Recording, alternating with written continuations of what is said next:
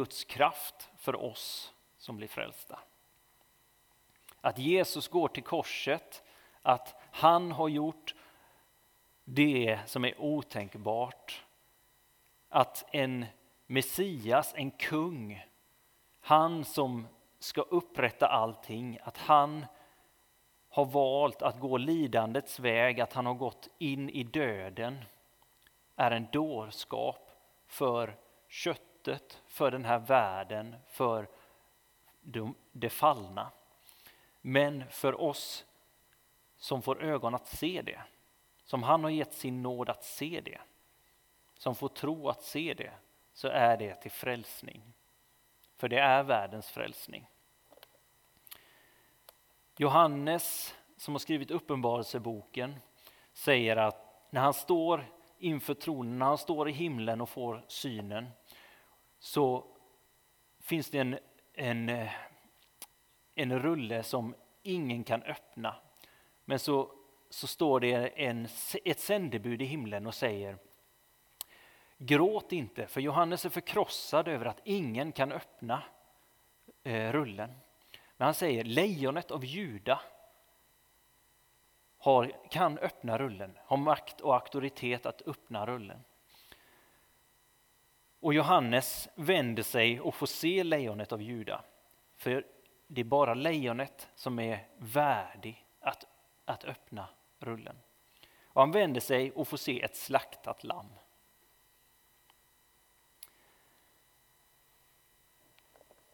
Det är det som är dårskapen i korset. Att det mäktiga som vi vänder oss för att se, det är det slaktade lammet. Det, den korsfäste Jesus. Offerlammet. Vi sätter fokus på Jesus och följer honom i hans försonade verk. Hans seger över synden och döden när han led och dog för den här världens skull. När han tog världen till sig själv.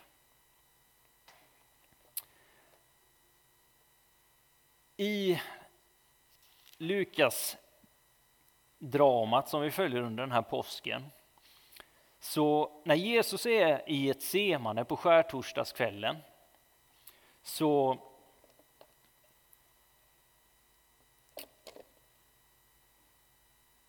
så eh, har han gått en kamp med, eh, med Gud egentligen, med, med det som han ska möta. Han har, han har talat med Fadern och sagt låt den här bägaren gå förbi mig, om det är möjligt. Och när han sen reser sig från den kampen så kommer vakterna emot honom, de utsända från Stora rådet, översteprästerna. Och vad Jesus säger då i Lukas 22.53 säger han Nu råder mörkrets makt. Det här är er stund, nu råder mörkrets makt. När de har kommit för att fängsla honom. Och det på något sätt sätter fokus för hela passionshistorien där. Att de utsända har kommit och därifrån råder mörkrets makt. Det finns en, någonting som driver hela den här passionshistorien framåt sen. Det finns ingen ingen vilja att höra det som, som Jesus säger. Det finns ingen vilja att, att se eh, vem han är. Jesus förkunnelse handlade om att Guds rike var här. Att kungen har kommit. Nu var framtiden i antågande. Hur gick det till? Jo, Jesus har kommit genom att Jesus är här, Messias, hade klivit in. När han samtalade med Nikodemus, som en farisé som hade kommit till honom mitt i natten, i mörkret, i skymundan, så säger Jesus till honom, för att kunna se Guds rike så måste du födas på nytt. Och vad innebär det? Frågar Nikodemus. Ska jag klättra in i min mammas eh, sköte och födas igen. Men Jesus säger att man måste födas av anden för att kunna se Guds rike. Och i det som vi ser här bland de äldste, de skriftlärda översteprästerna så är det tydligt att de inte ser Jesus på det sättet. De har följt Jesus under lång tid och bara letat efter sätt att sätta dit honom. De letar fel i Jesu undervisning. De letar felen i hans lära, letar felen i problemen. Vad, vad gör han fel? Hur kan vi hitta något att anklaga honom för? Och när de har tagit in honom så börjar den här häxjakten igen. Och se vad, vad kan vi ja, få på honom på något sätt. Och det är inte så enkelt med någon som är syndfri. Någon som har levt ett perfekt liv inför Gud och inför människor.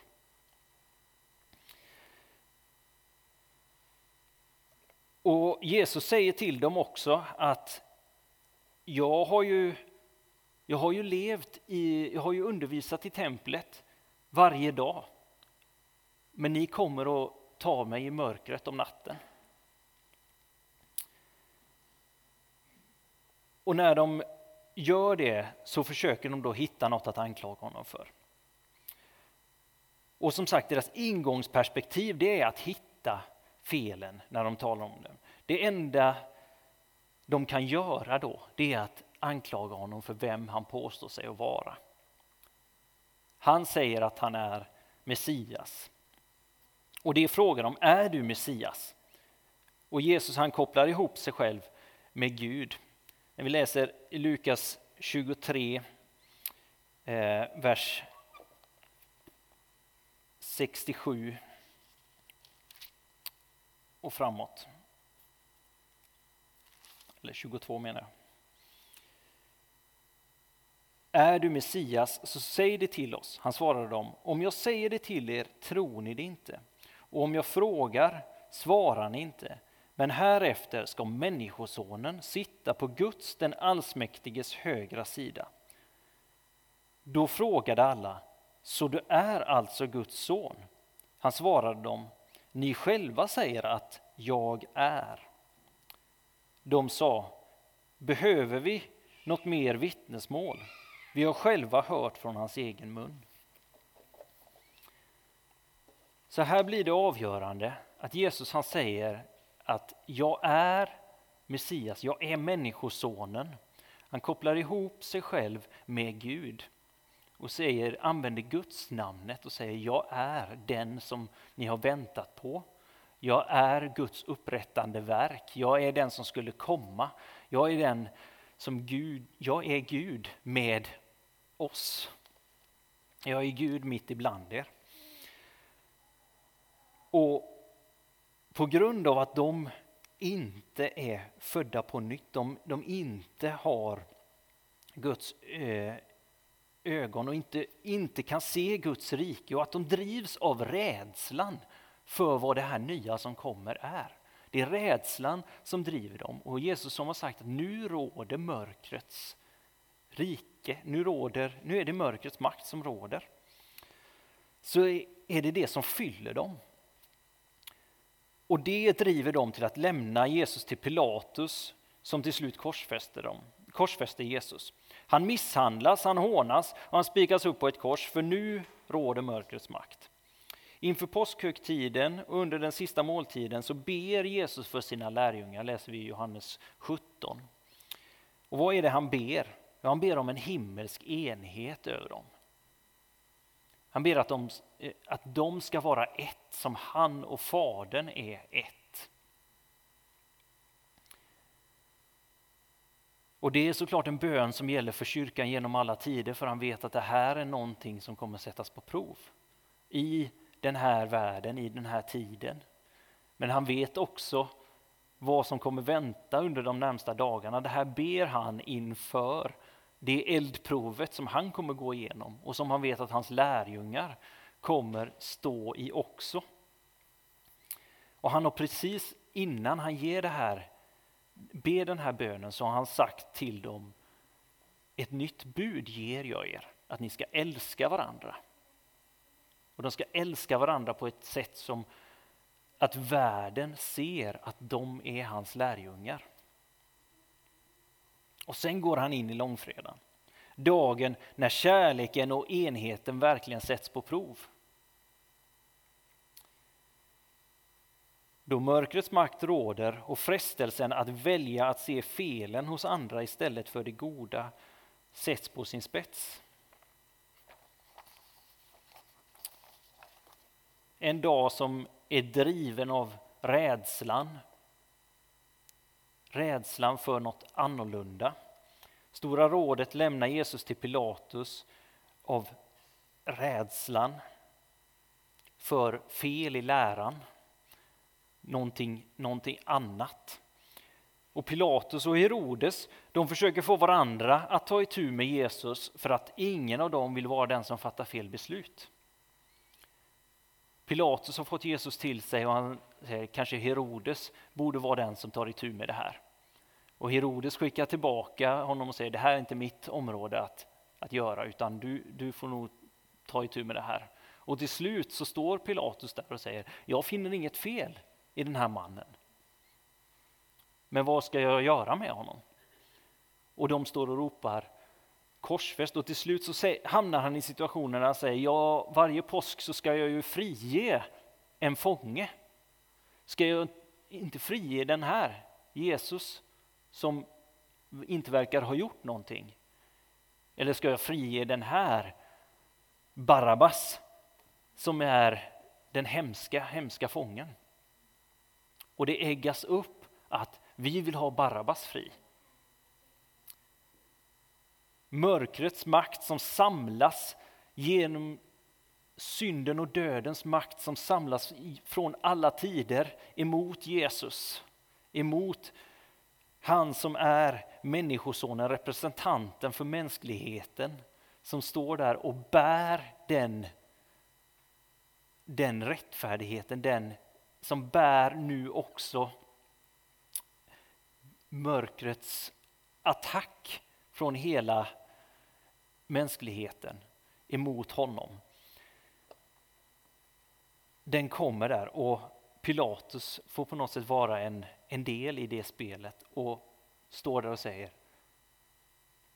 Låt det ske. Och försöker tvätta sina händer från det och säga jag vill inte ha något med det att göra, men låt det ske. Driven utav rädslan för människor så släpper han mördaren fri och korsfäster den mest oskyldige man som någonsin har levt. Och som han själv också uttrycker är oskyldig. Många av Jesu egna efterföljare har flytt den här dagen. Många eh, Flera av dem har inte gjort det utan finns kvar och försöker finnas runt omkring Jesus och kommer till korset inför honom.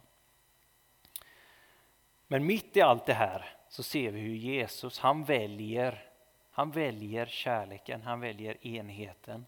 Han väljer att stå för det som han har förkunnat hela tiden. Han står kvar i sina beslut och när han vandrar korset, med korset så de som hamrar spikarna i händerna på honom säger han Far förlåt dem för de vet inte vad de gör. Och när han hänger på korset så vänder sig rövaren till honom och han hånas. Men rövaren som, som talar till honom och säger Tänk på mig när du kommer i ditt rike. Det är Jesus sista stunder i livet. Han, han hänger och håller på och drar rosslande andetag. Och Jesus samlar kraften och vänder sig och öppnar sitt hjärta till en annan människa och säger redan idag ska du vara med mig i paradiset. Jesus väljer kärleken till människor. Han väljer att förlåta och trots smärtan och ångesten så öppnar han sig. Och så dör Jesus. Förhänget i templet brister uppifrån och ända ner.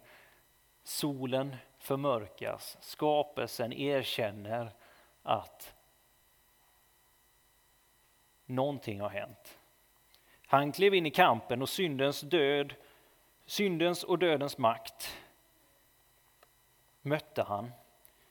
Och han klev in i konfrontationen med mörkrets välde och allt som reste sig upp mot honom. Och de val, det valde han att ta därför att du och jag och människor genom alla tider, vi skulle få möjligheten att, att fästa blicken på honom och ta emot hans liv. Ta emot det som, som vi inte klarar själva utan att han som har levt det perfekta livet. Vi som är fyllda av brister, av synd, av rädslan, av, av ångesten och, och viljan att tvätta våra händer från, från det som, som vi inte vågar stå upp för själva. Eh, det gick han igenom, den smärtan, våra fel och brister, allt det som samlades emot honom. Det tog han på sig och han gjorde det och fortsatte genom hela den vandringen att, for, att fortsätta älska dem runt omkring honom och förlåta och se guldet i människor. Se det som, det som växte fram hos människor under den tiden. Han blev inte självfokuserad i den stunden utan han var människofokuserad.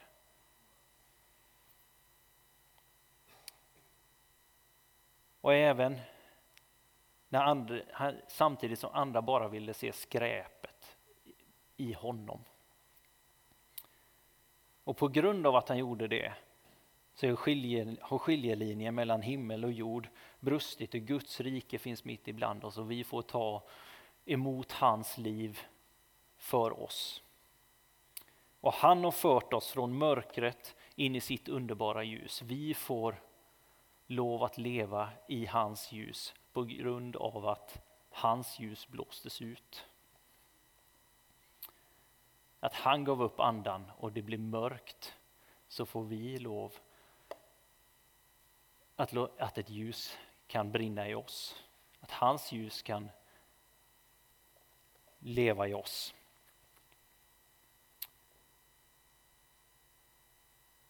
Så därför så får vi fästa blicken på korset idag. Vi får se på Jesus, vi får tro på Jesus, vi får tacka honom för att han, han var trofast, han gick den vandringen.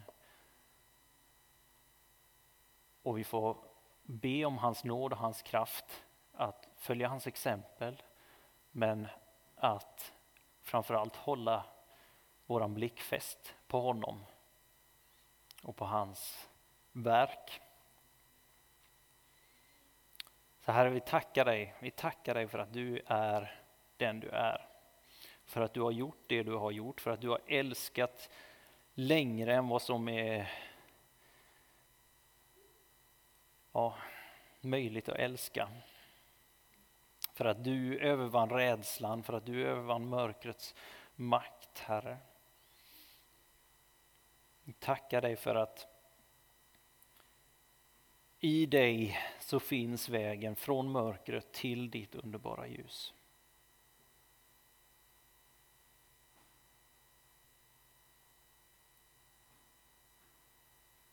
För att i dig finns förlåtelsen.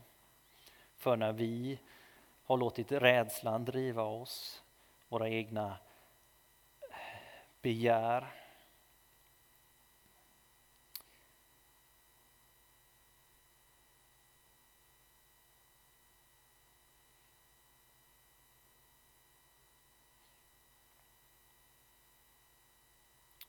så ska vi få ta en stund i lovsång inför korset.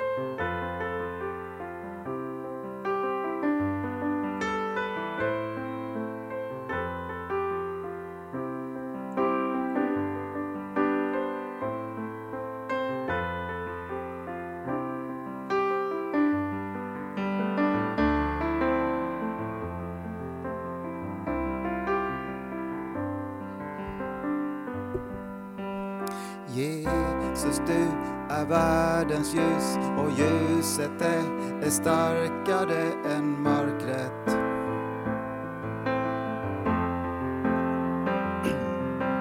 Jesus, du är verklighet och sanningen är starkare än lögnen. Jesus, det är bara du som förtvivlan, ångest och betryck. Mitt i motgång och i svårighet kommer du med liv, kommer du med liv. Jesus, du är kärleken och kärleken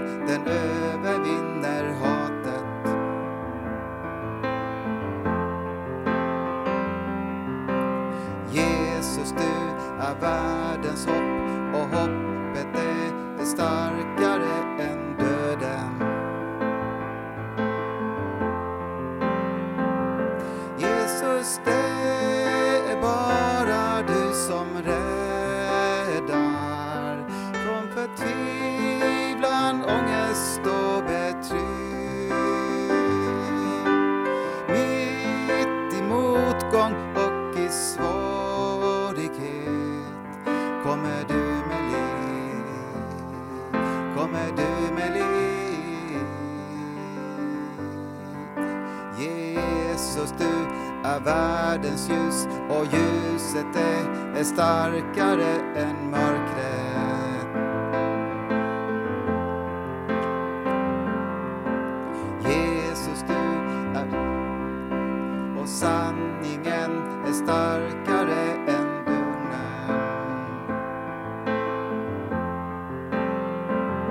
Jesus, det är bara du som räddar från förtvivlan, ångest och betryck.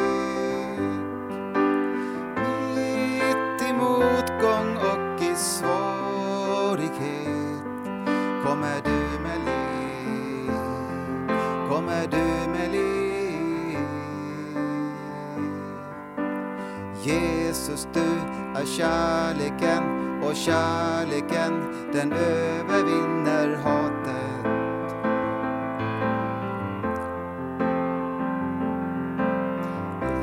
Jesus, du är världens hopp och hoppet är starkare än döden. Jesus, det är bara du som räddar från förtvivlan, ångest och betryck.